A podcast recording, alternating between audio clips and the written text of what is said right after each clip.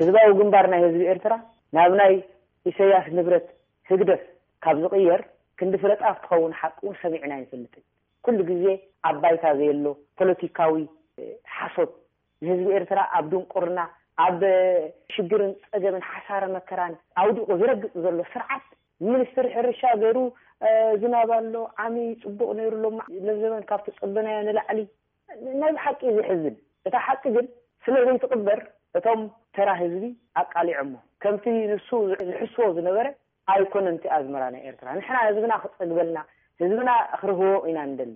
ግን ንህዝቢ ኤርትራ ዘይበልዖ ዘይጠዓሞ ዘይረኸቦ ከም ዝረኸቦ እንዳምሰልኩም ኣብዚ መደብኩም ንህግደፍ እትገብርዎ ዘለኹም ሓገዝ ዘሕዝን ነገር እዩ ብጣዕሚ ዘሕዝን ብጣዕሚ እዩ ዝገርም ስለዚ ዓገብ ሕጂ ውን ዓገብ ሓሶት ፕሮፖጋንዳ ናይ ህግደፍ ካብ ምጥላሕ ተቆጠቡ ንህዝቢ ኤርትራ እቲ ሓቀኛ ንርኡ እቲ ሓቀኛ ጸገሙን ሽግሩን ኣመሓላልፉ